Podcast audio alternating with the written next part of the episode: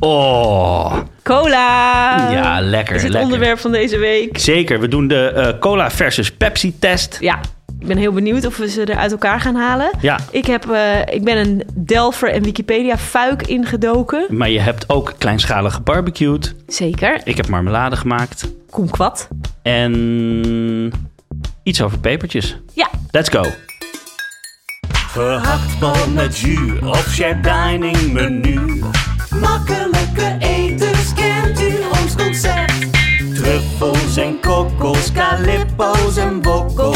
Makkelijke etens, wat een goed recept. Uw recensenten zijn gaar en al dente.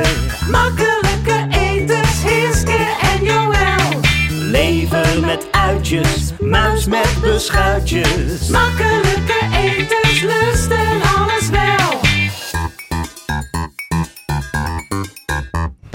daar zijn we weer. Yes, Makkelijke eters. Ja. Aflevering 9. cola. Dat wordt boeren. Ik heb er veel meer zin in dan de vorige keer. Oh ja? Ja, ik vind cola lekkerder dan Boursin. Oh nee, ik vind boersen lekkerder dan cola. Ik, ehm, Maar ik vind het ook wel bij elkaar kunnen. Ja, dat, ja, Toch? jawel. Ben jij een cola drinker? Zeker. Nou, niet veel, maar ik vind het wel heel lekker op zijn tijd. Ja? Ja, En welke tijd is dat dan dat jij aan de cola gaat? Eh, vaak te laat.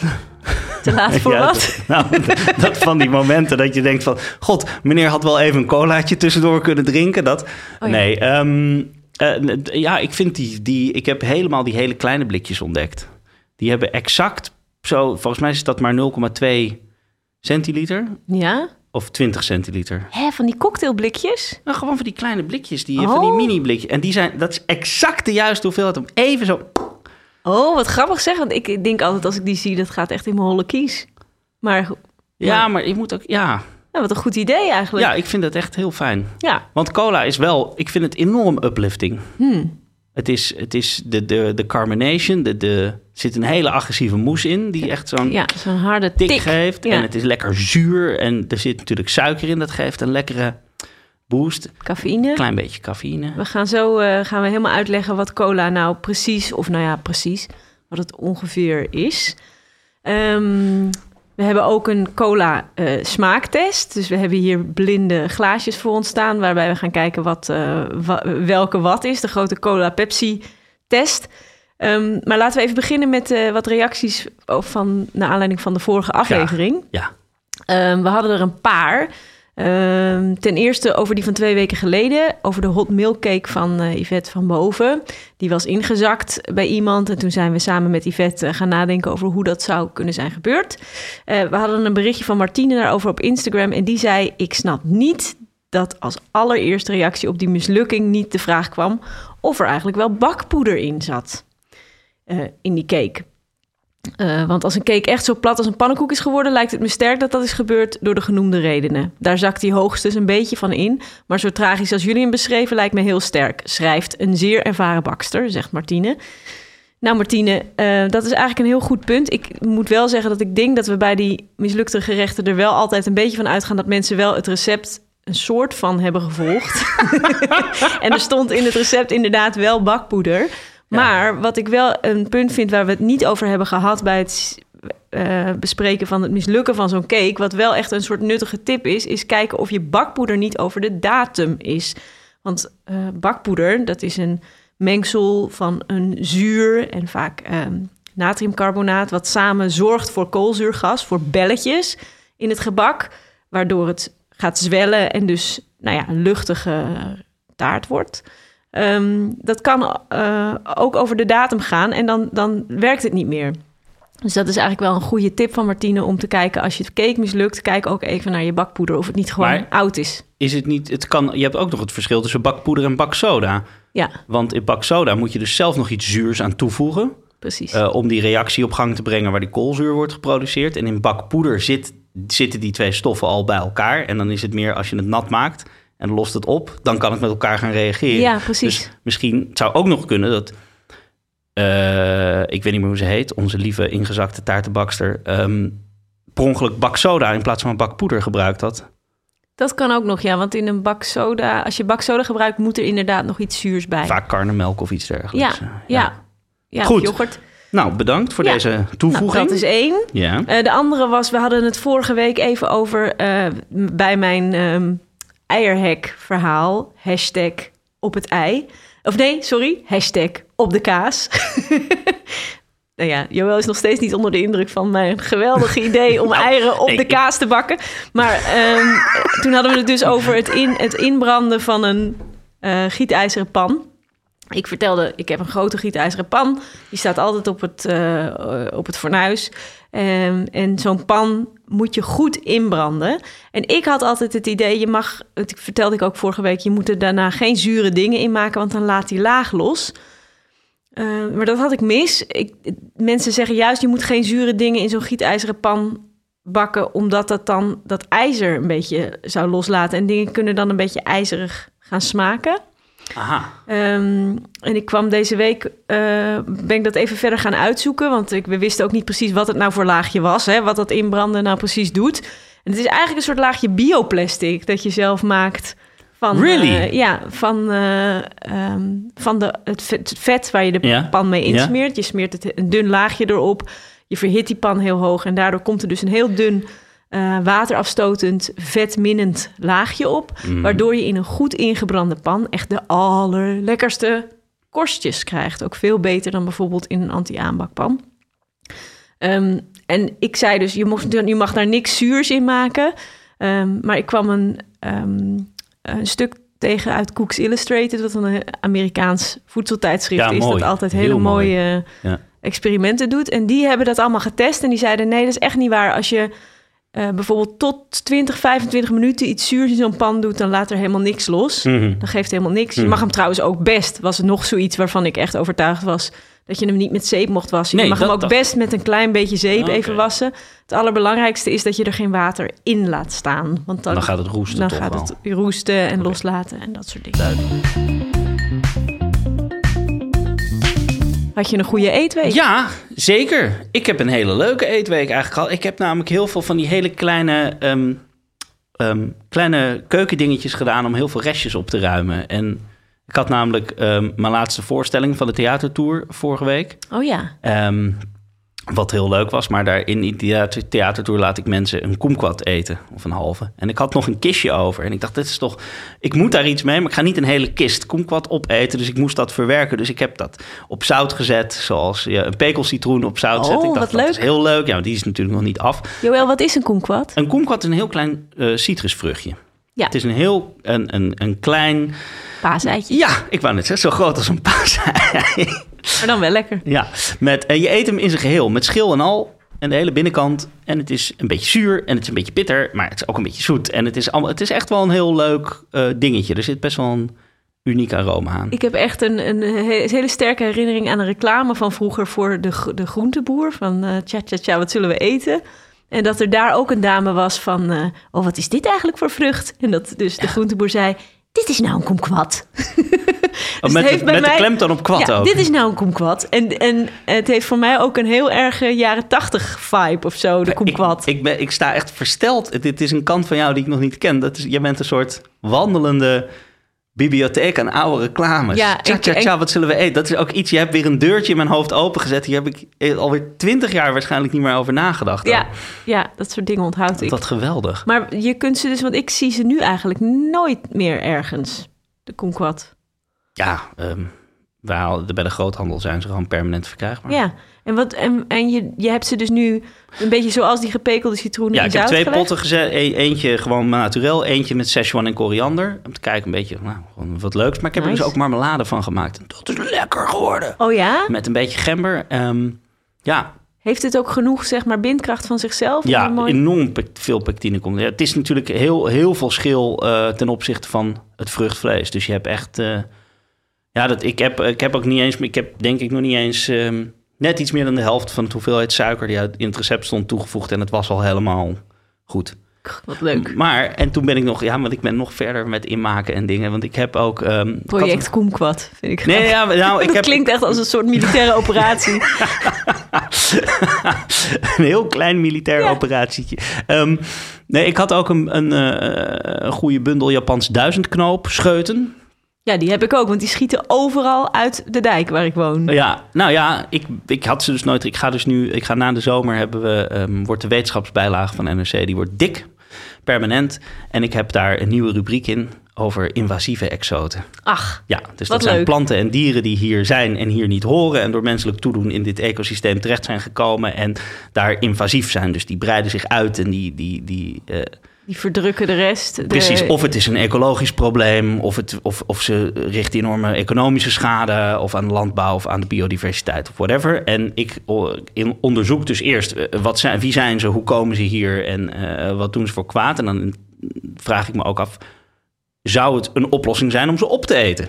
Want ze moeten bestreden worden. Door de EU is er een verordening dat we elke lidstaat moet deze diersoorten en plantsoorten met wortel en tak uitroeien. Want je had het nu over de, over de Japanse duizendknoop. En dat is inderdaad zo'n een beetje rood-groenachtige, best een mooie plant die heel hoog wordt. Eh, dat is dus een van de onderwerpen. En waar ga je het dan nog meer over hebben? Uh, nijlganzen, muskusratten, rivierkreeften. ehm. Er is één plek in Nederland waar halsbandparkieten worden geschoten. Dus ik hoop dat ik me daar eh, een paar exemplaren kan bemachtigen. En dan kijken, ja, is het lekker? Ja, cool. Dus, eh, en wat heb je dan gedaan met die Nou, die duid, ja, maar dat is dus heel leuk. Iedereen roept altijd rabarber. Het is ook echt zuurig. Als je het ehm, rauw proeft, heeft het echt die, dat, dat astringente van rabarber. Want het is best wel een, een agressieve, ehm, bijna een metalig, zuurachtige eh, ervaring. Ja, ik heb het vorig jaar ook wel eens door, door de sla gedaan. En daar vond ik het eigenlijk... Ik vind het wel een heel mooi blad. Maar ik vond het eigenlijk inderdaad Oh, maar je hebt het blad gegeten. net... tussen- ja, de jongste scheutjes. Dus de eerste Oh ja, scheutjes ik- ik die uit de grond- stengels kwamen. Oké. gepakt. Want die zijn veel steviger en die zijn echt. ehm, maar wat ik dus wel lekker vind, het is heel, het is dus rauw, is het inderdaad een beetje uh, wrang, maar er zit ook een soort spinazie-achtige smaak aan. Het heeft ook iets heel plantigs, iets heel vegetaals. Ehm, wat ik er wel interessant aan vond, ik heb ze dus ik heb een paar manieren geprobeerd te verwerken. Eén gewoon als een kompot, als een rabarber met water en suiker opgezet. Nou, dat werd echt fantastisch. Dat Oh is- ja? Ja, ik vind het misschien nog wel lekkerder dan rabarber, omdat het dus naast die hele rabarberachtige smaak ook wat meer plantachtige aroma. Het is wat gelaagder. Wat leuk, nou, maar hier moet je even iets meer over vertellen. Want ik heb die dingen dus ook overal staan. Je ziet ze overal uit de grond schieten. Ja. Als, ik heb ze dus naast mijn huis staan. Wat moet ik dan doen om dat te maken? Nou, ik zal je zeggen, ik, ik mag en wil niemand aansporen om zomaar overal die dingen uit de grond te rukken. Want ten eerste, als je per ongeluk onderweg iets verliest, heb je kans dat je het probleem alleen maar groter maakt. Want het ding is echt unstoppable. Als die eenmaal ergens staat, ze zijn, ze zijn, er worden duizenden, honderdduizenden euro's uitgegeven En je aan moet ze echt wegbranden, hè? Ja, met elektriciteit, met, met, met bevriezen zijn ze aan het testen. Met, met, eh, er, er wordt van alles aan gedaan. En ze groeien dus door het fucking asfalt heen. Ja. Die, die planten zijn zo sterk dat ze, over, als ze verwoesten alles. Dus, en daarbij, je weet ook niet wat er in de grond zit. Dus je kan niet zomaar overal gaan plukken. En, Oké, maar stel dat ik toch graag dat wil maken. die nou ja, ik heb die, die jonge scheuten gekregen van een professionele wildplukker. Die dat... eh, eh, en die, dat zijn dus, ja, dat zijn echt wel gewoon, nou ja, ik denk toch wel stengels van een, wat zal het zijn, 40 centimeter. Een soort bleekselderijformaat. Ja, nou dat inderdaad. Ehm, en eh, ik heb dus, ja, ik heb de bladeren geproefd. Die vond ik een beetje, die, hadden, die waren een stuk flauwer dan de stengels. En die hadden ook een beetje, die hadden ook iets bitters. Dus die heb ik uiteindelijk maar even daar gelaten. En ik heb dus echt die, die stelen gebruikt. Ja, Eh, gewoon in ringetjes gesneden, opgezet. Het dondert heel snel uit elkaar. Het verliest heel snel zijn stevigheid. Dus voor die, voor die kompot, ja, Met suiker? Een beetje Wat- suiker, water. En- alleen suiker en water. nou ja, dat heb ik gedaan omdat ik de pure smaak van die duizend... En die, je kan er natuurlijk mee gaan variëren. En die, maar het heeft dus ook bijna tegelijkertijd aan de ene kant dus wat meer... toch die plantige aroma's die er nog aan zitten. En aan de andere kant begon het de fruitigheid... Ook al een beetje dat soms... Ik heb je van die rabarberkompot waar dan wat aardbeien doorheen zijn. Dat, dat, dat vond ik ook wel heel erg... Ik vond Nou, het echt gek. verschrikkelijk leuk. Ik heb er atjar van gemaakt ook. Ik heb ze met zoetzuur weggezet. Eh, met eh, gember, dat soort dingen. En... ehm, Wat ben je toch een oude knutselaar ook ja, ik vond dat. Maar som- heel soms heb ik zo'n aanval en dan, dan ga ik en dan, dan ook echt lekker 's ochtends vroeg gelijk. 9 uur 's ochtends pannetjes op het vuur. Ik heb ook leuk. een olietje eh, getrokken ervan, maar ik weet nog niet. Die moet ik nog proeven, maar ik ben bang. Ik heb natuurlijk thuis niet zo'n thermomixer waarbij je tegelijk kan blenden en verwarmen. Nee. En dit, dus misschien dat dat. Maar goed, dat. koemkwad en duizendknoop. Ja, Dat is er ook Ja, dat heeft mijn, mijn week wel een beetje... Een tongue twister.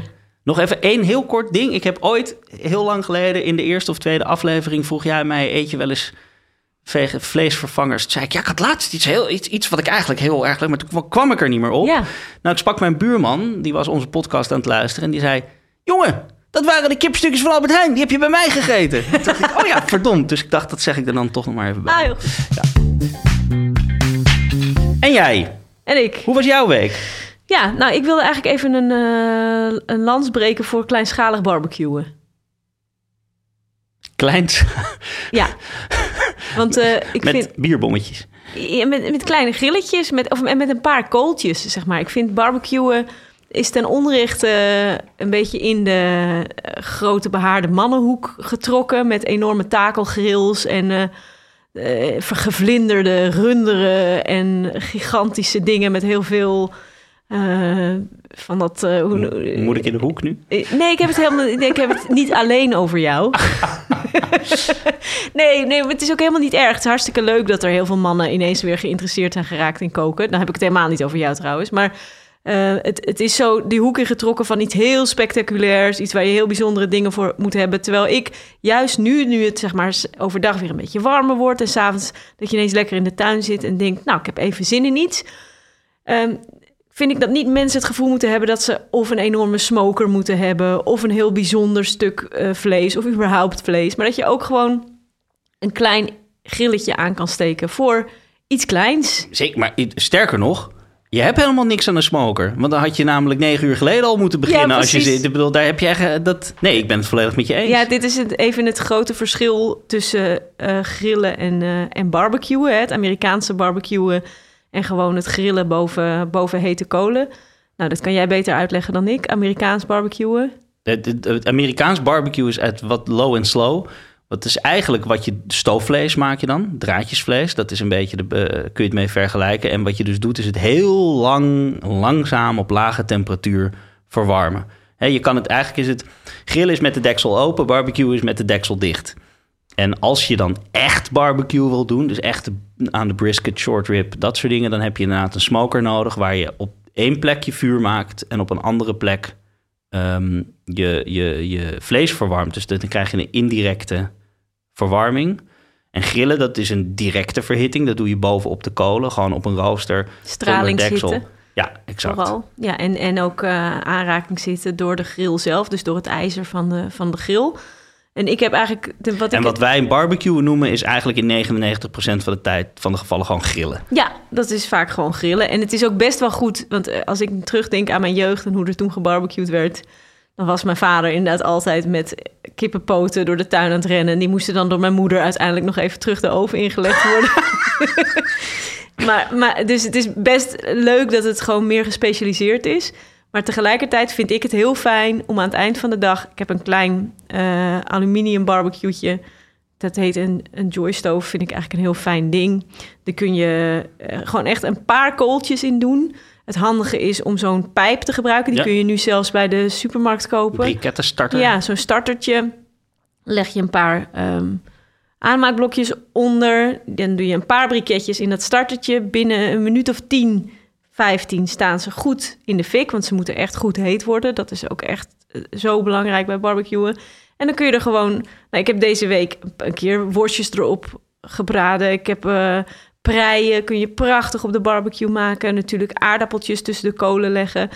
En eh, je kunt echt binnen, nou ja, een half uur, zeg maar, kun je een heel maaltje in de tuin Zeker, maken op ja. zo'n barbecue. Dus daar wilde ik even tussen al het En als je dat nou een paar keer door- doet, dan opeens wordt het een soort routine ding. En dan kun je dus, heb je dus inderdaad binnen een kwartier... Oh, zullen we hem even aansteken? Geen probleem. Boem, Ja. is het zo gebeurd. Ja, precies. Dat, ehm, ik vind die tondeltjes zo heel fijn. In plaats van die aanmaakblokjes. Ik doe het nu tegenwoordig met van die... Dat zijn van die rolletjes. Oh, dat van, ken ik niet. eh, van, van, ja, wat is het eigenlijk? Schaafsel, eh zaagselrolletjes of zo. eh. ja, dit zijn heel... Ik vind die witte aanmaakblokjes echt ja, verschrikkelijk. die stinken. Oh, dat is drama. Heel ongezellig. Ja. Ehm, oh, nog één. Oké, laatste tip. Wat ik dus nu tegenwoordig ook. Dit is echt fantastisch. Ik maak mijn rooster niet meer schoon na het barbecuen. Oh, Nee, en dat maakt niet uit, jongen. En er zit dan vet en druip en, en zelfs al zit de schimmel erop, maakt niet uit. Weet je wat je doet? Ah, Die brikettenstarter, die briketten worden zo gloeiend fucking heet. Die donder je erin, leg je dat rooster erop. Dat rooster wordt zo warm. Als je dan één keer met de staalborstel eroverheen gaat... is het gewoon het soort wat je overdoet met pyrolyse. Dus je niet meer staan schrobben, moeilijk doen, gezeik. Laat het gewoon zitten. Volgende keer dat je hem aansteekt, wordt het ding zo heet... dat je het in één keer met een staalborsteltje gewoon Geweldige afhaalt. tip. Nou, Scheelt zoveel tijd. heel nuttig allemaal. We gaan naar het eh, object. Cola, Een vloeibaar object. heerlijk. Hou je ervan?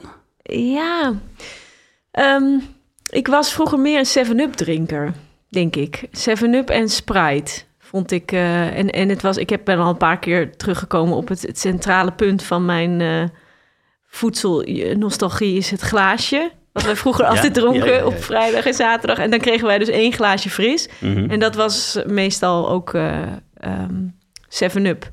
Ik heb een hele eh, een nogal heftige herinnering aan een 25-jarig huwelijk van een oom en tante. Eh, waarbij je dan als kind, ik denk dat ik toen zeven was of zo, een beetje gewoon je een beetje kunt verdwijnen onder de tafels en achter de bar en zo. En dat ik toen zoveel 7-Up heb gedronken dat ik echt ongeveer moest overgeven ervan. Omdat ik in de- ineens kon je gewoon net zoveel pakken als je wilde. Ehm, dus ja, en ook op, de middelbare school hadden we dan zo'n zo'n frisdrankmachine waar dan 1 gulden 25 in moest. En daar haalde ik ook altijd blikjes Sprite uit. Ik heb zelfs een keer ja, aan de gedichtenwedstrijd van onze school meegedaan aan een gedicht, met een gedicht dat een blikje Sprite heette. Heb je dat nog, dat gedicht? nee, maar ik weet het Ken je het nog uit je? Ja. Nou, vooruit, kom er maar in. Ik was 13, hè? Nee, nee, gewoon... dit- ik, niet voor schamen. O blikje Sprite, o zaligheid, o borrelend geluk. De heerlijkheid, al wat gij zijt, heeft mij opnieuw verrukt. Ehm, ik weet de tweede strofe niet meer. O blikje Sprite, o zaligheid. Het eindigt in ieder geval van... Mijn liefde gaat nooit stuk, o blikje Sprite. O zaligheid, o borrelend geluk. Wauw! Ja, Wat vond het? Maar dit is ook AAB, AAB. ja Dit er is- zat nog iets tussen, maar ik ben het vergeten. Wauw. Maar cola dus... ik vind eh, Sprite en zaligheid ja. rijmen op elkaar voor een 13-jarige vind ik heel knap. Toch? Vind ik echt heel leuk, ja. Ja.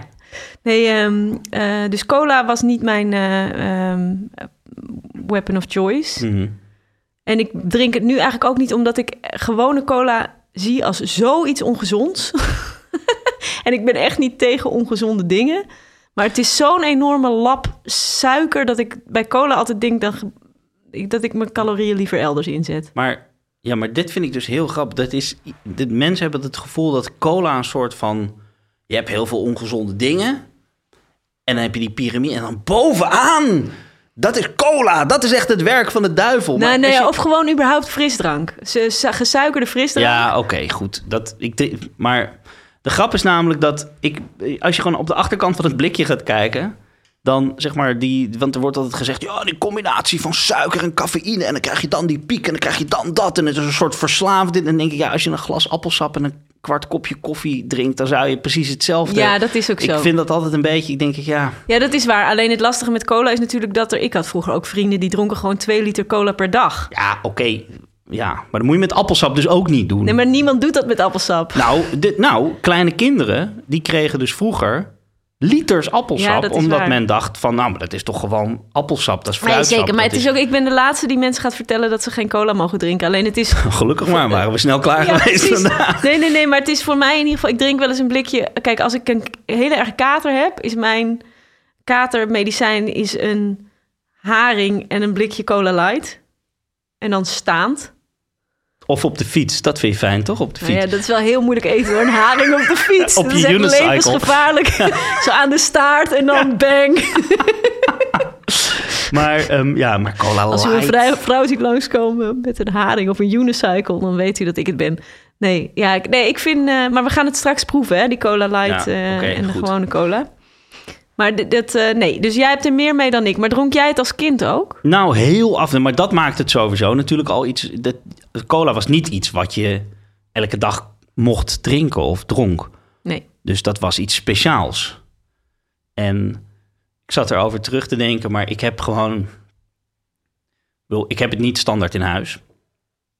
Eh, dus het is, het is echt iets wat ik een keer in een blikje of zo. Dat, dat, dat heeft ook wel. Het is ook gewoon zo lekker dat blikje dat zo open gaat. En dan die eerste whiff van die koolzuur die er dan uitkomt. Ja, die zo tegen Die je zo- neus slaat. Exact. En Ja. dan gewoon, dat geeft, dat is gewoon zo'n. Je moet ook niet die, die, die. Ik vind het ook niet lekker uit een, uit, een, uit een fles of een flesje, want dan ben je halverwege en dan is die lol eraf. Dan is die Maar dit is natuurlijk het marketingwonder wat Coca-Cola is, hè? Als je ook, ik ging kijken naar die oude reclames van, van, eh, van Coca-Cola en er zit zoveel, is, eh, er- het is zo opgehangen aan een bepaald gevoel van verfrissing en van vrijheid en van al die reclames zijn ook in het Engels, die Nederlandse, die reclames die in Nederland eh, waren van Coca-Cola. Want ik heb heel hard gezocht naar Nederlandstalige reclames, die waren er gewoon niet. En het is altijd ehm, nou ja, er wordt altijd zo'n soort van gevoel neergezet van blije mensen op een strand. Ja. En, dan, en, dan, en dat dan verbonden aan precies dat geluid van dat blikje dat open gaat. En precies nou ja, zo'n glas met van die druppeltjes erop. Nou, ik echt- vind het echt die, dat, dat die, die, die eerste hit in je neus van die koolzuur. Dat is voor mij. Ja, of de marketing werkt zo goed dat ik het zelf, zelf niet eens meer door heb. Dat ik Ja, er eh, nee, het is ook lekker. Maar de, ontvankelijk voor ben. Maar Ga- ik, ja. ik zal even kijken, ik zal even laten horen de, de, de archetype. Maar ik kon dus geen Nederlandstalige vinden, maar...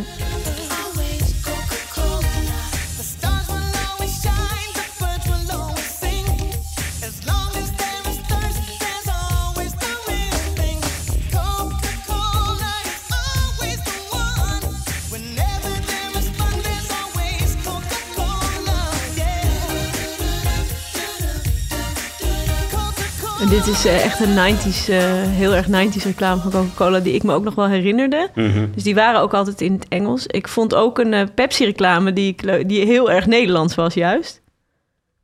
Uit eh, de jaren 80.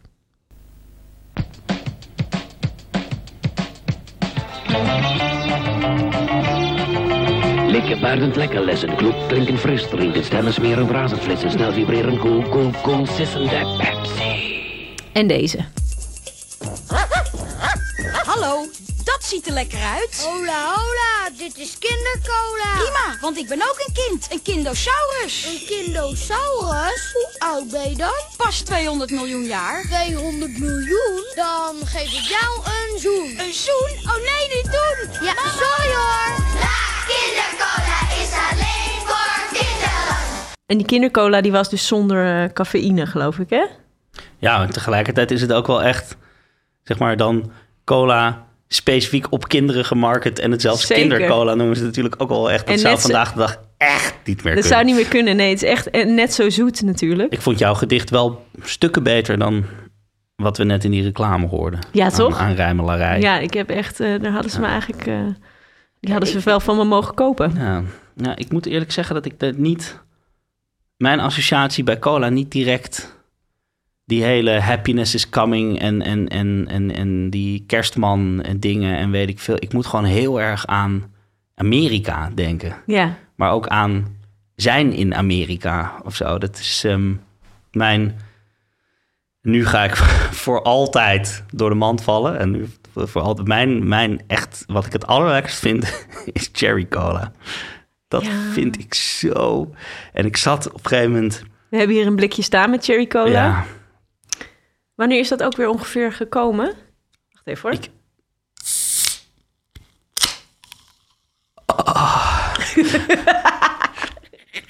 Eh, het is dat. Ik zat dus. ehm, ik, ik, ik ging met. Ik ga nog steeds heel graag met twee vrienden. ehm, proberen we elk jaar te doen, maar dat lukt niet. ehm, naar het zuiden van Amerika, van de VS. En dan gewoon onszelf laven aan de, de country, barbecue, eh, rural, southern, eh, backwards America. Dat, dat, dat, ik weet niet, we hebben iets met, we houden van country muziek, trailerparks en, en, en barbecue eten. En na twee weken is het ook weer genoeg. En als je daar gewoon, er zijn drie dingen die je niet moet, je moet, als je de onderwerpen God, wapens en abortus weet te vermijden, heb je tijd van je leven daar. Is het, is het fantastisch. En ik zat daar op een gegeven moment op zondag. En ik heb de, het gevoel dat ik de enige in Nederland ben die American football, die, die dat fantastisch vindt. En ik zat daar opeens en ze hadden mij achtergelaten in een overvolle sportsbar. En zij gingen even wat anders doen. En ik zat daar met... En ik had zo'n beker. dat is echt, Ja, ik dat denk, is zo'n anderhalve liter beker. ja, maar. ik denk, ik, ik, ik wijs nu ongeveer dezelfde grootte aan als net met die, met die eh eh duizendknoopstelen. Bleekselderij grote beker. exact. Met cherry cola. En er zat zo'n gesuikerde rode kers. En ik zat daar in mijn Dallas Cowboys shirtje tussen allemaal andere mensen die dit ook volstrekt normaal vonden. En ik dacht, ik ben eindelijk ben ik normaal. Eindelijk ben ik gewoon niet meer die vreemde eend in de bijt. Oh ja. En ik denk dat, dat cherry cola mij gewoon dat gevoel geeft als ik het drink. Hmm.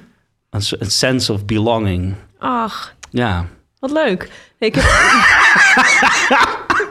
ja, dat meen je niet. Lieg niet tegen nee, ik weet niet, nee, dat vind ik echt. Ik vind dat heel... Ja. Ik wist ook helemaal niet dat jij je zo vaak niet op je plek voelde. Nou, dat is ook weer overdreven. Maar het is wel Je komt altijd juist over als iemand die overal heel erg op zijn plek is. als een chameleon. Nee, niet als een chameleon, Joël. je bent wel altijd heel erg Joël. Nou ja, goed, ik weet het. Dat is, dat is mijn... eh, ik weet niet. Ik, ik had allemaal opeens allemaal hele... Het is een beetje eclectisch, maar ik had allemaal warme herinneringen toen ik Ja. over cola na ging denken. Dit, Je dit wordt was er de ook een eerste. beetje wee van. Zo, die, eh, van dat, dat, inderdaad, dat Amerikaanse gevoel. Ja, ik denk ook wel dat ik ben natuurlijk... Ik weet het niet waar. Ik, ik heb heel het gevoel dat toen in de baan... Dat ik heel erg soort van overdreven meegekregen heb vanuit de basisschool... ehm, dat de Amerikanen ons gered hebben. En dat, Ja. dat, dat, dat, dat al, al, alles Amerikaans was goed. Want Ja, dat is wel zo. Want ik denk dat toen wij eh, pubers waren, zeg maar, dus eh, in de jaren negentig... Dat was eh, allemaal, dus zeg maar, 9-11 was mijn allereerste dag op mijn studie. En daarvoor had je natuurlijk wel al George W. Maar er was echt, ik weet nog dat toen ik een jaar, jaar of 12, 13 was, was Amerika. Je had ook echt Amerikaanse weken bij de VND en zo.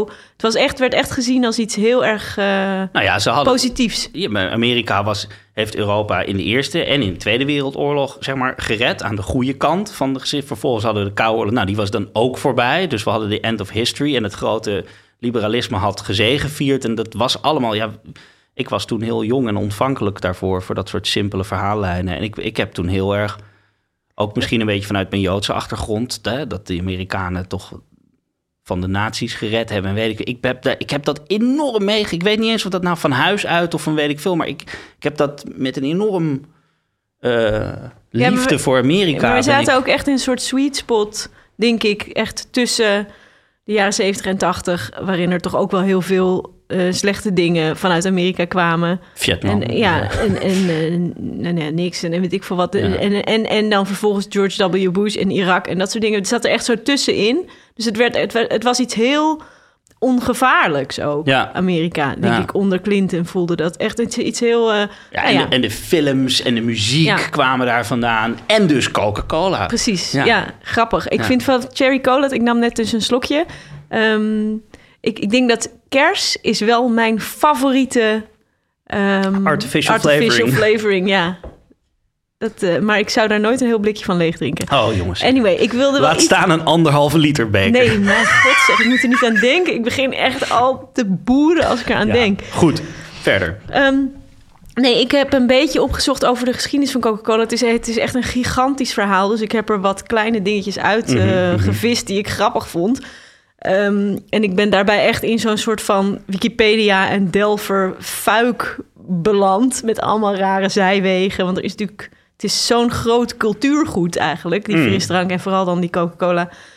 Dat er dus allerlei dingen aanhangen. Maar ik had een paar dingen die ik heel grappig vond. Namelijk dat ehm, eh, die cola die is, eh, ehm, eh, die is uitgevonden door een Amerikaan. Die heette John Pemberton. Mhm.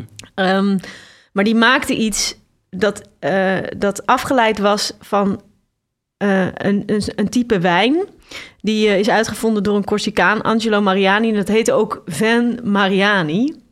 En dat is dus een soort wijn die eind 19e eeuw veel werd gedronken als een soort tonicum. Dus als een soort opwekkend drankje. En dat was ook een heel opwekkend drankje, want het was namelijk een combinatie van Bordeaux en cocaïne. dus het was Bordeaux-wijn. Hier waarin- ben ik mijn hele leven al ik naar op wil ook niet zeggen, dat leek me echt iets voor jou. Maar het was dus inderdaad, het was een Bordeaux-wijn waarin coca-bladeren eh, eh, werden geweekt. Waardoor dus die, die cocaïne in die wijn trok. Dus het is een soort van super eh, pep middel. Wat heel... eh, wat Ja, maar heel en wat tegelijkertijd ook Hè, je, kan, je wordt lam zonder, Ja. zonder naar huis te hoeven. Precies, ja, levensgevaarlijk. Ehm, eh, en dat was een medicinaal drankje dat echt gigantisch succesvol werd. Maar het hij- die, die Corsicaan die was ook heel slim, want die trok daar allerlei mensen bij om dat te marketen als een soort van eh, influencers, waaronder koningin Victoria. en zelfs eh, paus Leo eh, de achtste, die gaf hem een pauselijke goedkeuring en gaf hem een medaille. Dus, dus die Pemberton die dacht, dat ga ik ook maken. Dus die is eerst begonnen met een drankje die die Pemberton's French Wine Coca noemde. Ook met wijn, ook met alcohol. Maar op een gegeven moment kwam er een, een, eh, de drooglegging, een, een, verbod op alcohol in zijn, in zijn thuisbasis Atlanta. En toen is hij, is hij het anders gaan maken, namelijk cola-noten. Dus dat is een type noot, lijkt een beetje op een cacaoboon. Mhm. Ehm, voor, de, voor de smaak en ook, daar zit ook eh, cafeïne in. En dus die coca, die coca-bladeren, dat, waar ook dat pepmiddel cocaïne dus in zit. En eh, al in 1903 heeft hij die, die eh, cocaïnehoudende coca-bladeren vervangen door één zonder werkzame stoffen. Gedecocaïniseerde coca-bladeren. Ja, ja, en zo werd het dus eh, ja, de Coca-Cola. Maar het grappigste is ook met, met Coca-Cola is denk ik dat je nooit precies weet waar het nou eigenlijk naar smaakt. Het smaakt gewoon naar cola. Ja, Maar wat dat dan is, er zit heel erg veel in volgens mij. ja, Het is, eh, er zit sowieso citrussmaken zitten erin. Iets, tenminste de, de etherische oliën, sinaasappel dingen. Maar ook heel veel specerijen ehm, aroma's. ja. Wat ik heel grappig vind, ehm, is dat als je cola snoepjes, die smaken nooit naar, echt naar cola. cola flesjes. Nou, bijvoorbeeld, of ik heb nu deze ehm, van Moam. Maomam. Ma Maoam. Maoam. Het is echt, echt hele nasty snoep. En die dingen zijn heel zoet, heel zuur. En er zitten dus gewoon een soort speculaaskruidachtig ding Ja, in. want ik denk dat dat een, dat een smaak is die waarvan mensen echt zeggen als je eh, cola drinkt en je weet het, dat je zegt, oh, Ja. dat is eh, kaneel. Exact. Wat een heel belangrijke eh, specerij in cola is. Ik vond het heel leuk. Je hebt in Harold McGee, de beroemde Harold McGee is een Amerikaanse eetschrijver die eerst een heel boek over de alle natuurkundige, scheikundige processen achter koken heeft geschreven. En nu vervolgens vorig jaar nog een meesterwerk, namelijk over geuren. Mhm. Die eindigt zijn boek met cola. Het is een beetje het Oude Testament en het Nieuwe Testament. Precies, het is ongelooflijk dat die man twee van zulke meesterwerken heeft geschreven. Maar goed, hij eindigt zijn boek over geuren met cola. Omdat, hij echt, eh, omdat dat echt een voorbeeld is, zegt hij, van hoe hij vindt dat mensen met aroma's om moeten gaan. Namelijk dat je echt heel actief moet proberen te luisteren, noemt hij dat ook, Mhm, wat mhm. erin zit. En hij zegt, oké, oké, ruik goed aan cola en probeer dan die... eh, die zes definiërende specerijen-extracten eruit te halen. Denk je dat jij dat kan? Nee. Nou, Dan probeer het eens. Ja, we maar- hebben hier allemaal cola voor ons staan. Ja, maar dan moet ik even de juiste hebben.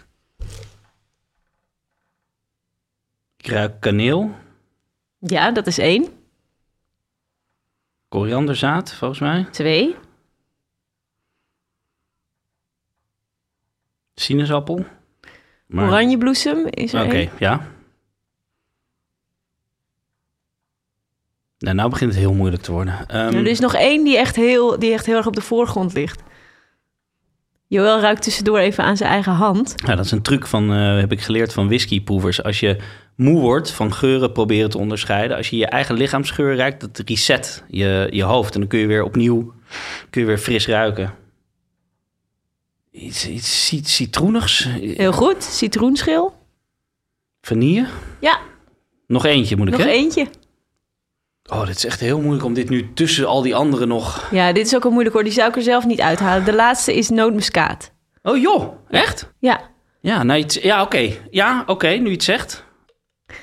Ehm, wat zullen we doen? Zullen we nu even die blinde test doen? Want we hebben dus verschillende soorten cola voor ons staan. Ja, Eh, laten we even... Dit is natuurlijk de grote vraag. Ik bedoel, dit Ja, is jij net- haalt nu natuurlijk die Coca-Cola eruit, want je hebt er net aan gesnuffeld. Ehm, ja, nou, wil jij ook snuffelen dan? Nee, nee, nee, helemaal. niet. Het is geen Maar- wedstrijd. Ehm, nee, maar het is, het is namelijk heel grappig. Mensen zeggen altijd, "Ah, ik hou niet van Heineken of ik hou niet van brand. En als je dan een blinde proeverij doet, dan weet, kan niemand de pils onderscheiden. Dat is natuurlijk exact hetzelfde met cola en Pepsi. Ja. Ik heb het gevoel dat ik Pepsi heel vies vind en Coca-Cola het alleen maar Coca-Cola the real thing. Hè? Dus het is niet voor niets dat ze daarmee adverteren met the real. Maar ik dacht, het is misschien wel leuk om gewoon te kijken. We hebben, ehm, ik, eh, ik dacht, we maken het niet te ingewikkeld. We hebben er gewoon, we hebben vijf verschillende. We hebben een echte cola, we hebben een echte Pepsi, we hebben een Cola Light en we hebben twee neppers. Het huismerk Albert Heijn en jij Het had huismerk Lidl. huismerk Lidl en dat heette Freeway. Freeway. Oké, dus ze hebben cijfers deze glazen. Wil je eh, kies jij er maar één. Begin jij met één. Oké, ik ruik nu al dat dit niet de echte cola is. Die ruikt veel te zoet en veel te vlak. Nee, dag. Hmm, twee. Ik vermoed dat tweede Pepsi is. Nou, ik vermoed dat tweede light is, maar dan moet Oh, nog dat even- zou ook nog. nummer drie ruikt. Dit is de light. Of niet? Tenminste, op basis van de geur. Ja, dit is de light. Zeker weten. Ik kan dit echt niet. Wat ontzettend moeilijk is dit. Dit is de echte cola op basis van de geur. Nou, of is dit de light? Dit is de light. Jezus, kut. Nu weet ik het ook niet meer. Ehm, Ze lijken eigenlijk best wel op elkaar. Het is inderdaad allemaal aromatisch, zuur. wacht even. Nu ben ik... Misschien dat waar ik Pepsi zei toch cola is. Stop de tijd. Eén joker. Nee, wacht even. Nee, ik denk nog steeds dat het tweede Pepsi is. Eén slok van die drie. Ah, dit, nu, begint het, nu begint het allemaal door elkaar te lopen. Oké, weet je wat? Laten we het gewoon... Oké, ik zeg één. Ehm één was een van de neppers, toch? Ja, dat denk ik ook. Ja, oké. Nou. Eh, nee, ja, nou, ja, dan moeten we toch... Oké, één was een van de neppers. Dan twee dacht ik Pepsi. Drie, toch? Eens? Nee? Ik denk twee Coca-Cola. Ja, wel? Ja. Oké. Drie. En ik dacht drie Pepsi. Ik weet het niet. Drie weet ik niet. Ik denk vier de light. Ja, vier is de light. Dat durf ik. Dat, dat, dat, dat. En denk ik dat vijf de cola is. Vijf, ik dacht vijf en neppert. Nou, revealing. Drie is de... Oh jee, ik heb gewoon Pepsi en Coca-Cola door elkaar gehaald. Oh, oh oké. Dus één is een nepper. Twee Eén. is de Pepsi. Drie is de cola. Ja, vier is de neppert. Nee, vier is de, De light. light en vijf is de freeway. Nou, dan hebben we toch nog wel wat goed. Oh, Er goed. Ik heb in ieder geval de Pepsi ertussen uitgehaald. Daar ben ik heel blij Ja, om. ik heb de Pepsi en de Coca-Cola gewoon omgedraaid. Dus dat geeft wel aan dat ik geen expert ben op Goed. dit gebied. Anyhow. Ehm, We wat, hadden wel allebei de Cola Light goed, dus dat scheelt. ja, precies. Nou, ik vond het toch heel leuk om te doen. Ja, ik vond het ook heel leuk. Ik hoop dat het ook leuk is om naar te luisteren. Ik kort het wel een beetje in. Makkelijke Een andere, ehm, dat is wel leuk, omdat dat, dat sluit een beetje aan bij, die, bij dat geschiedenisverhaal van jou. Een andere hele mooie herinnering die ik heb, is niet per se aan cola, maar iets wat er voor mij toch altijd wel, zeg maar, zijdelijks een beetje bijhoudt. Maar namelijk Dr. Pepper. Ja, wat is dat Nou, eigenlijk? kijk, al die, er zijn veel meer drankjes rond die tijd. eh, eh, waren er dus, zeg maar, die Pemberton was volgens mij ook een apotheker. Ehm, die, zeg maar, soda's, frisdranken, wat we nu frisdrank noemen, die op de markt gebracht werden als. Als, als, als ehm, hier, het boeren begint nu al. Ja, ik moest net ook even... Ehm, als, eh, ja, als tonicwater, als, als toch een soort medicinaal drankje. Ja. Hè, die eerste, eh, ik vond een prachtige ehm, affiche van cola uit eh, 1886, waar stond dat het een brain tonic was, waar je voor nausea, voor hysteria, voor, ik weet niet meer precies wat er nog meer allemaal op alle, allerhande eh, eh, This intellectual beverage and temperance drink contains the valuable tonic and nerve stimulant properties of the coca plant and cola nuts. Ja, precies. Maar wat staat er? Er staat sick, hysteria, eh, A cure for all nervous affections. Dus sick headache, neur, neurologic, ne- Nou ja. neuralgia, hysteria, melancholy, etc. Ja, precies. Dus als je hysterisch of eh, neurotisch bent, dan moet je cola drinken. Ja. Nou, zo is Pepsi ook eh, ooit bedacht als eh, drankje wat tegen indigestion, tegen dyspepsia. Ja, Hè, het is zeg maar vernoemd naar een, dat zit er trouwens niet in, enzym pepsine. Ehm, ehm, om, dat, was dus, dat zou je dan drinken als je last had van je maag. Dr. Pepper is ook, dit is vooral ook in, ehm, Dr. Pepper is in, in 1885 al, dus een jaar eerder dan cola, maar vooral in Texas op de markt gebracht als concurrent tegen Pepsi ja. las ik. Ehm of, eh, anyhow, het is dus allemaal, het, het is allemaal begonnen als... eh, eh, dat zijn drogisten en, en, en apothekers die, die tonics op de markt. Nou ben ik in Waco, Texas, in het Dr. Pepper Museum geweest. Dan krijg je dus een hele tour en dan krijg je helemaal die geschiedenis. Het wordt natuurlijk allemaal opgefluft en, en mooier gemaakt dan het is. En aan het eind van die tour hadden ze dus zeg maar de, de, de gift shop van het eh, Dr. Pepper Museum. Was ehm, zo'n volledig 19e eeuwse eh, drogisterij nagebouwd. En daar kon je dus ook van zo'n ouderwetse kaart met nog handgeschreven letters... kon je dan één bestellen, dat zat dan bij je kaartje in... kon je één bestelling doen. En een van de dingen die je kon bestellen was een hot Dr. Pepper. Oh, En ik dacht natuurlijk, ja, proberen. Goed, nou, ik, ik keek ook een beetje zoals jij nu kijkt, van dat klinkt heel vies. Wat ze dus deden daar achter de eikenhouten 19e eeuwse bar, stond een waterkoker. En daar schonken ze dan Dr. Pepper in. En dan zetten ze de waterkoker aan. Nou, wat er gebeurt is twee dingen. Eén, het wordt heet. En twee, alle koolzuur gaat eruit. En Ja. ik liep dus met een soort styrofoam kap. Met zo'n piepschuimen bekertje. Met, het, ja, het is gewoon hoestdrank. Hete hoestdrank. Ja, ik vind Dr. Pepper heel erg smaken naar amaretto. Er zit iets van Oh ja, abrikozenpit of zeker. pruimenpit in. Nou, er is dus, dat is een, een mythe. Er is heel lang gezegd dat er pruimensap in zou zitten, maar dat, dat schijnt dus niet zo te zijn. Oké. Want het heeft inderdaad ook wel een beetje die gedroogde pruimengeur. Nou, vooral die kernen, die steenfruitkern smaak van, van amaretto Mhm. en ehm, dat soort dingen. Ja, ik geloof dat de, dat de gewone Dr. Pepper tegenwoordig ook al voor de helft gezoet wordt met zoetstoffen. En dat proef je dus onmiddellijk. Ja. Dat is toch jammer. Ik vond het heel grappig. In mijn eh Delverfuik ging ik even kijken wanneer er in Nederlandse kranten over Coca-Cola geschreven werd. En tot mijn verbazing kwam ik een vermelding tegen uit 1906. ehm, waarin er werd geschreven over een ice cream fou- fountain, ice cream soda, waar je Coca-Cola zou kunnen krijgen. En ik dacht, in 1906 in Nederland, ice cream soda. Maar dat bleek dus een Nederlandstalig blad te zijn. Dat werd uitgegeven in Holland, Michigan. Dus dat was een Nederlandstalig blad voor... voor. Ja, want Holland, Michigan is gestart door een, een groep mensen uit Ommen. Met een soort rogue dominee, die daar naartoe... Calvinistische dominee, Ja, die daar naartoe zijn gegaan en daar Holland, Michigan zijn gestart. En die hadden dus ook een Hollandstalig blad. Ehm, maar het grappige was, ik wist wel dat de rest van de wereld is zeg maar aan het begin van de 20e eeuw eh, overspoeld met Coca-Cola. Maar bij Nederland duurde dat eigenlijk heel erg lang. En ik vroeg me af, hoe kan dat nou? Hoe kan het nou dat al die andere landen er wel mee begonnen zijn en eh, Nederland pas zo laat? En dat is echt een extreem grappig verhaal. Namelijk over een slimme Limburger. Een man die heette Leo Moelen uit het gehucht Kunrade. Dat eh, ligt in Zuid-Limburg. Die, die is een spuitwaterfabriek begonnen. En die maakte vervolgens ook limonade. Dus die had die spuitwaterfabriek al vanaf ergens in de eerste jaren van de 20e eeuw. En die had dus eh, een, een sinaasappellimonade. En die hoorde zeg maar in 1990 van een Amerikaanse vriend van hem. Er is, 1890. eh, eh, sorry, ja, in, nee, in, ja, in 1819 zoiets. Van een Amerikaanse vriend van hem. Er is hier een drankje en dat is super populair. Het heet Coca-Cola. Wat die man dus heeft gedaan, dat is dus een hele kleine fabrikant uit, uit, uit Limburg. Die heeft zijn drank No-Canola genoemd.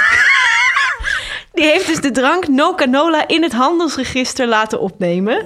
Een sinaasappellimonade. Vervolgens kon Coca-Cola niet naar Nederland, want die namen leken te veel op elkaar. Oh joh. Ja, dus eh in, in, eh, Die hebben ze uitgekocht uiteindelijk. Of zo. uiteindelijk hebben ze, hem, eh, hebben ze hem uitgekocht. Maar het is nog tot het einde van de jaren 30...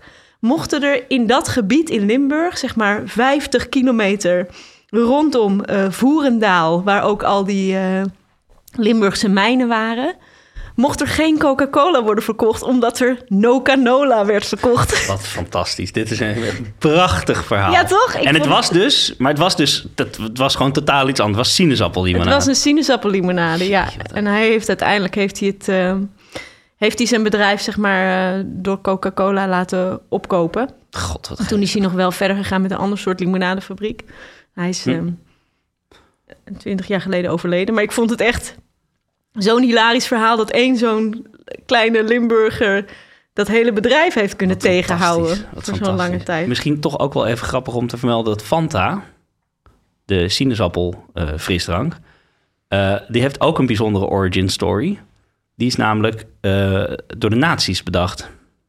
Oh, Toen de Amerikanen eenmaal mee gingen doen eh, in de oorlog, hè, toen ze speler werden in de Tweede Wereldoorlog en opeens dus vijand werden van Duitsland, mochten de ingrediënten om cola te maken niet meer geëxporteerd worden naar Nazi-Duitsland. En toen zijn ze daar hun eigen drank gaan maken op basis van allerlei ehm, restproducten. Fruit, eh, ja, wat waren het? Het, fruit eh, van de, wat was het trouwens, maar van de appels van de ciderproductie of iets dergelijks. Maar ook van wei, van de kaas, ka- kaasrestproducten. En zijn ze dus hun eigen drank gaan maken, hun sinaasappel-drank. Dat is Fanta geworden. echt waar? Ja. En Van wie is Fanta nu van Cola. Coca-Cola? ja. En Sisi is van Pepsi. Sprite van cola, 7-Up is van Pepsi. Ehm, er staan ook heel veel recepten op internet waarmee je kan eh, koken met cola. Ehm, Coca-Cola. Die, eh, de- die je dan gebruikt als eh, in barbecue saus wordt het bijvoorbeeld vaak Oh ja. gekookt. Ja. Het is natuurlijk qua ingrediënt is het, is het wel interessant omdat het zowel zoet als zuur is. Je kunt er dingen mee glazen, Marinade. marinade. Dat zuur maakt het vlees, tenderizes the meat. Ja, ik vond een leuk recept waarbij je inderdaad kip erin marineert en waarin je de cola nog wat zuurder maakt met tamarinde. Dat schijnen ze Joh, in, eh, in, eh, in Mexico wel vaak zo te doen. Dus met Coca-Cola en dan extra tamarinde erin. Lijkt me heerlijk. Maar cola heeft echt een zuurgraad vergelijkbaar met, met, met eh, azijn, volgens mij. Hè? Ja, ja nou ja, je, er waren altijd dingen met roestige spijkers die je erin kon laten ontroesten en zo, omdat het zo ontzettend zuur was. En dat het dus inderdaad alleen maar drinkbaar is doordat er ook zoveel suiker in zit. Maar ik heb dus op een gegeven moment iets met cola gemaakt, een soort cultgerecht, ehm, die de cola salad heet. Je hebt ehm, in de jaren 60 eh, had je in de 50 en 60 kwam in Amerika de eh, instant eh, gelatine op. De Jello werd dat genoemd. Dat waren Ah, van die ja, ja, pakjes met eh, gelatinepoeder met een smaakje eraan. Mhm. En Vervolgens werden daar dus allerlei bizarre salades... dat werd, heette dan een Jello salad... werden salades in een mal meegemaakt. Dus, dus je hebt de gestoordste... nou ja, met, met terugwerkende kracht dan... gestoordste gerechten waarin hele salades... met bleekselderij en met kaas en alles... in eh gelei werden gestort. Ah, oké. En Dus dan- je hebt niet dat je een salade hebt waar stukjes gelei in zit. Nee, je hebt zeg maar een soort van zo'n... zo'n Nee, je hebt een gelei waar een salade in Zo'n zit. puddingvorm, Ja. zeg maar, zoals je oude, je, je vroeger je Mona-pudding eh, zeg maar, uit je bakje kon storten. En dat Ja. was dan transparant en dan kon je dus de salade En zien zitten. kon je dan de salade zien zitten en dan konden mensen dat eh, handig wegscheppen. Wat Dat- vies. Ja, het is heel gek, vooral ook omdat die jello dus ook nog heel erg zoet is. Ehm, en wat ik tegenkwam daarin was een, eh, dat heette dan de cola salad of Coca-Cola salad. Wordt in, in de zuidelijke staten van Amerika ook nog steeds wel gemaakt. Waarbij je dus een, eh, een jelly maakt van cola met eh, ook weer... ehm, dus het is misschien wel iets voor jou, namelijk met eh, cherry-flavored gelatin. Dus met kersen jello. En daarin gaan, hou je vast, een pot ehm, eh, ingemaakte kersen, één blik ananas, één eh, cup bleekselderij Ah, tot nu toe was het en, nog... en een, een, een, eh, eh, een heleboel cream cheese in stukjes gehakt. Gaat er ook door. En nootjes. Nou, behalve de bleekselderij kan ik me voorstellen dat het misschien nog wel ergens... Ja, ik heb het gemaakt omdat ik het gewoon zoiets... eh, Jij hebt dit gemaakt? Ja, ja, ja.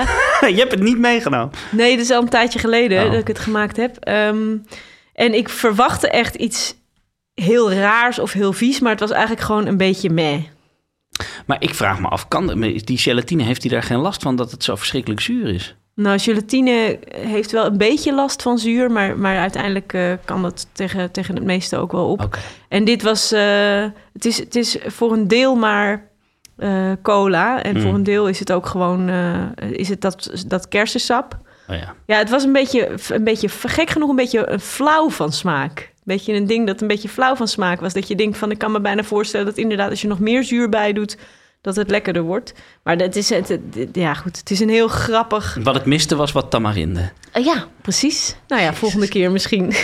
nou, ik heb er echt honger van gekregen. Oké, nou dat komt goed uit.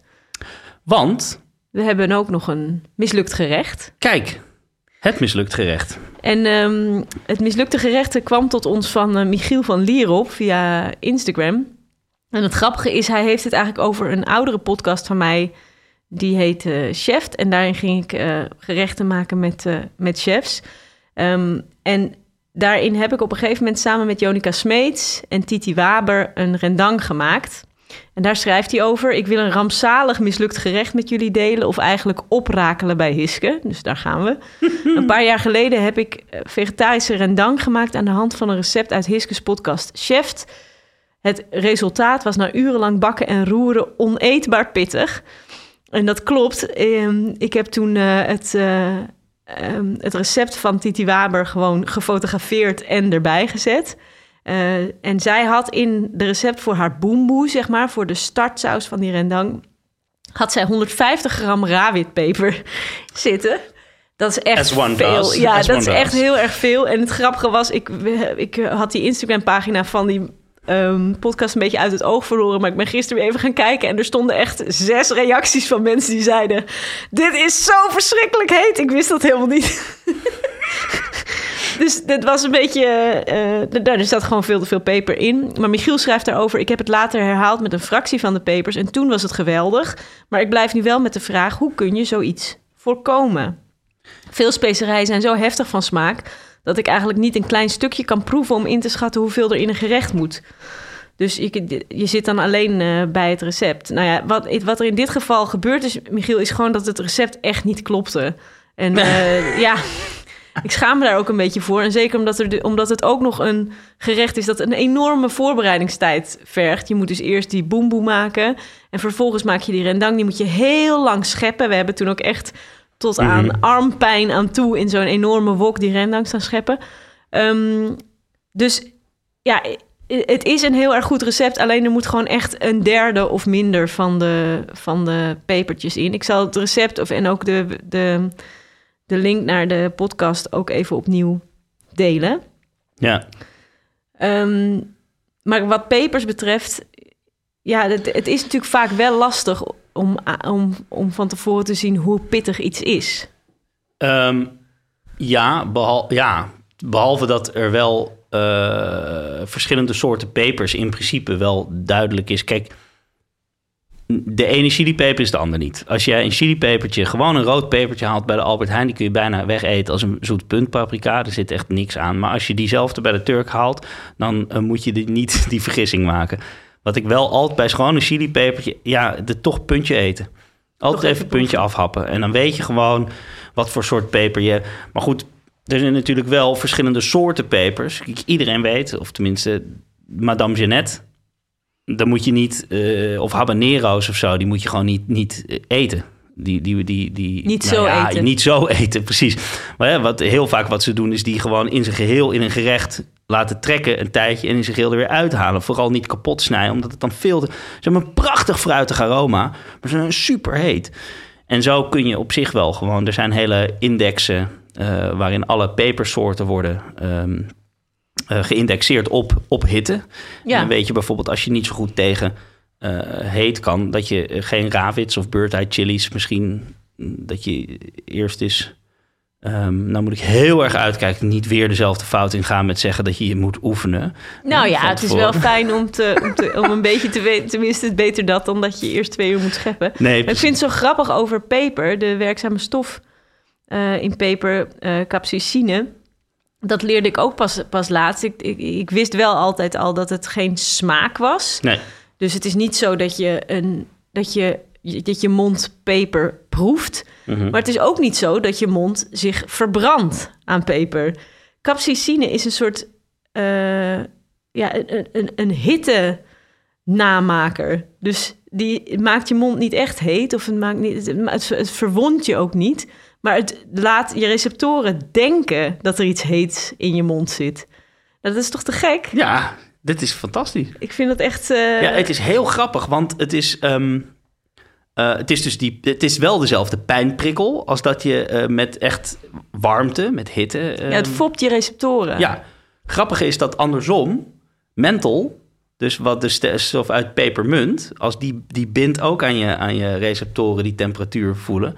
En dan voelt dus alles wat je in je mond hebt letterlijk 4 graden kouder dan het daadwerkelijk is. Dus vandaar Ja. dat als je kauwgom eet met menthol en zo inademt, dat je denkt, hé, hey, fris, fris, fris. Omdat het voelt letterlijk kouder omdat die stof menthol op die receptoren zit. Ja, maar ik begreep wel dat het dus andere receptoren zijn. Dus dat het niet zo is dat als je iets heel heets eet... en je neemt vervolgens Ja. een kauwgompje dat het weggaat. Nee, nee, het is niet dezelfde eh, receptor. Nee, Nee. Dat, dat klopt, dat klopt. Ja, nee, en het is... ehm, het is gewoon letterlijk puur de hoeveelheid capsaïcine die erin zit... die, die ervoor zorgt dat... ehm, die verantwoordelijk is voor hoe heet de peper is. En eh, daar is een hele schaal voor gemaakt. eh, vernoemd naar de eh, grondlegger Wilbur Scoville. Dat is de Scoville-schaal. En dat, die gaat van nul, van gewone zoete paprika's... tot in de miljoenen bij de Carolina Ghost Ja. Reaper en dat soort... eh, ja, en pepperspray en dergelijke. ja, pepperspray is zeg maar de, de, de, de hoogste. Ja. Het is overigens een verwante stof aan piperine... wat in peper zit, en gingerol in gember. En Zijn- vanilline, wat in vanille zit. Ja, maar dat heeft niet dan weer die, die, die, die hittewerking. Nee, nee, Nee, het is, dus, niet. Het, is, het is die drie, die doen dus alle drie in principe hetzelfde. Hè? Dus wat met zwarte peper is hetzelfde prikkeltje als capsaicine, alleen wat minder heftig. Ja, en nu nog e- e- heel even terug naar Michiel. Want wat Michiel dus vraagt is... ehm, hoe kun je dit voorkomen? Dat je dus al heel, eh, aan een heel langdurig gerecht hebt gewerkt... en dat het uiteindelijk dan veel te pittig blijft, blijkt. Ja. Ehm, het is wel handig. Kijk, hierin had ik gewoon een fout gemaakt. Maar het is in, in algemene zin is het heel goed om na te denken over... oké, ik proef iets eh, door het proces heen. Wat ga ik straks hiermee doen? In het geval van rendang moet je het heel ver inkoken. Er gaat wel twee liter ehm, eh, kokosmelk in... wat wordt ingekookt tot een heel klein beetje. Je kookt het bijna droog. Dan kun je ervan uitgaan dat de smaken in dat gerecht... ook het zout bijvoorbeeld, zich heel erg gaan concentreren. Dus dat het eindproduct nog veel zouter wordt... en nog veel pittiger wordt eh, dan eh, waar je mee begint. Dus als Ja, je aan dus het begin... als je het aan het begin al te Ja, pittig vindt, aan- donder het weg en begin op... Ja, als je aan het begin al eh, denkt het is te, te heet voor mij, dan zal het aan het eind helemaal zijn. Want ja, het wordt ook niet minder heet van het koken. Ja, of, of dus eh, andere, ander soort pepertjes gebruiken. Ja, ja. Goed, ik hoop dat we hiermee van dienst hebben kunnen zijn. Blijf jullie ehm, mislukte gerechten vooral insturen. Zeker, en rare dingen mogen ook. Ja, we zijn ook nog op zoek naar rare dingen. Ik heb eh, voor volgende week ook weer een raar ding. Oh yes. Dus we gaan zeker verder met deze rubriek. Ehm, en volgens mij mag jij kiezen voor de volgende keer. Spannend. Jij weet al wat ik niet ga kiezen. Nou ja, eh, After Eight is de eerste. Op een dag gaan we hem behandelen. De tweede is eh, slagroom. Mhm. Die hadden we ook al. En als derde heb ik in de tombola gegooid frietsaus. Hmm. Mag, ik, mag ik een vraag stellen voordat ik ga kiezen? Ja, dat doe je al. Als we het over frietsaus hebben, mogen we het dan ook over mayonaise hebben? Ja, dat mag. Oké, dan kies ik frietsaus. Leuk. Goed. Nou, dat was hem weer. Tot volgende week. Dag.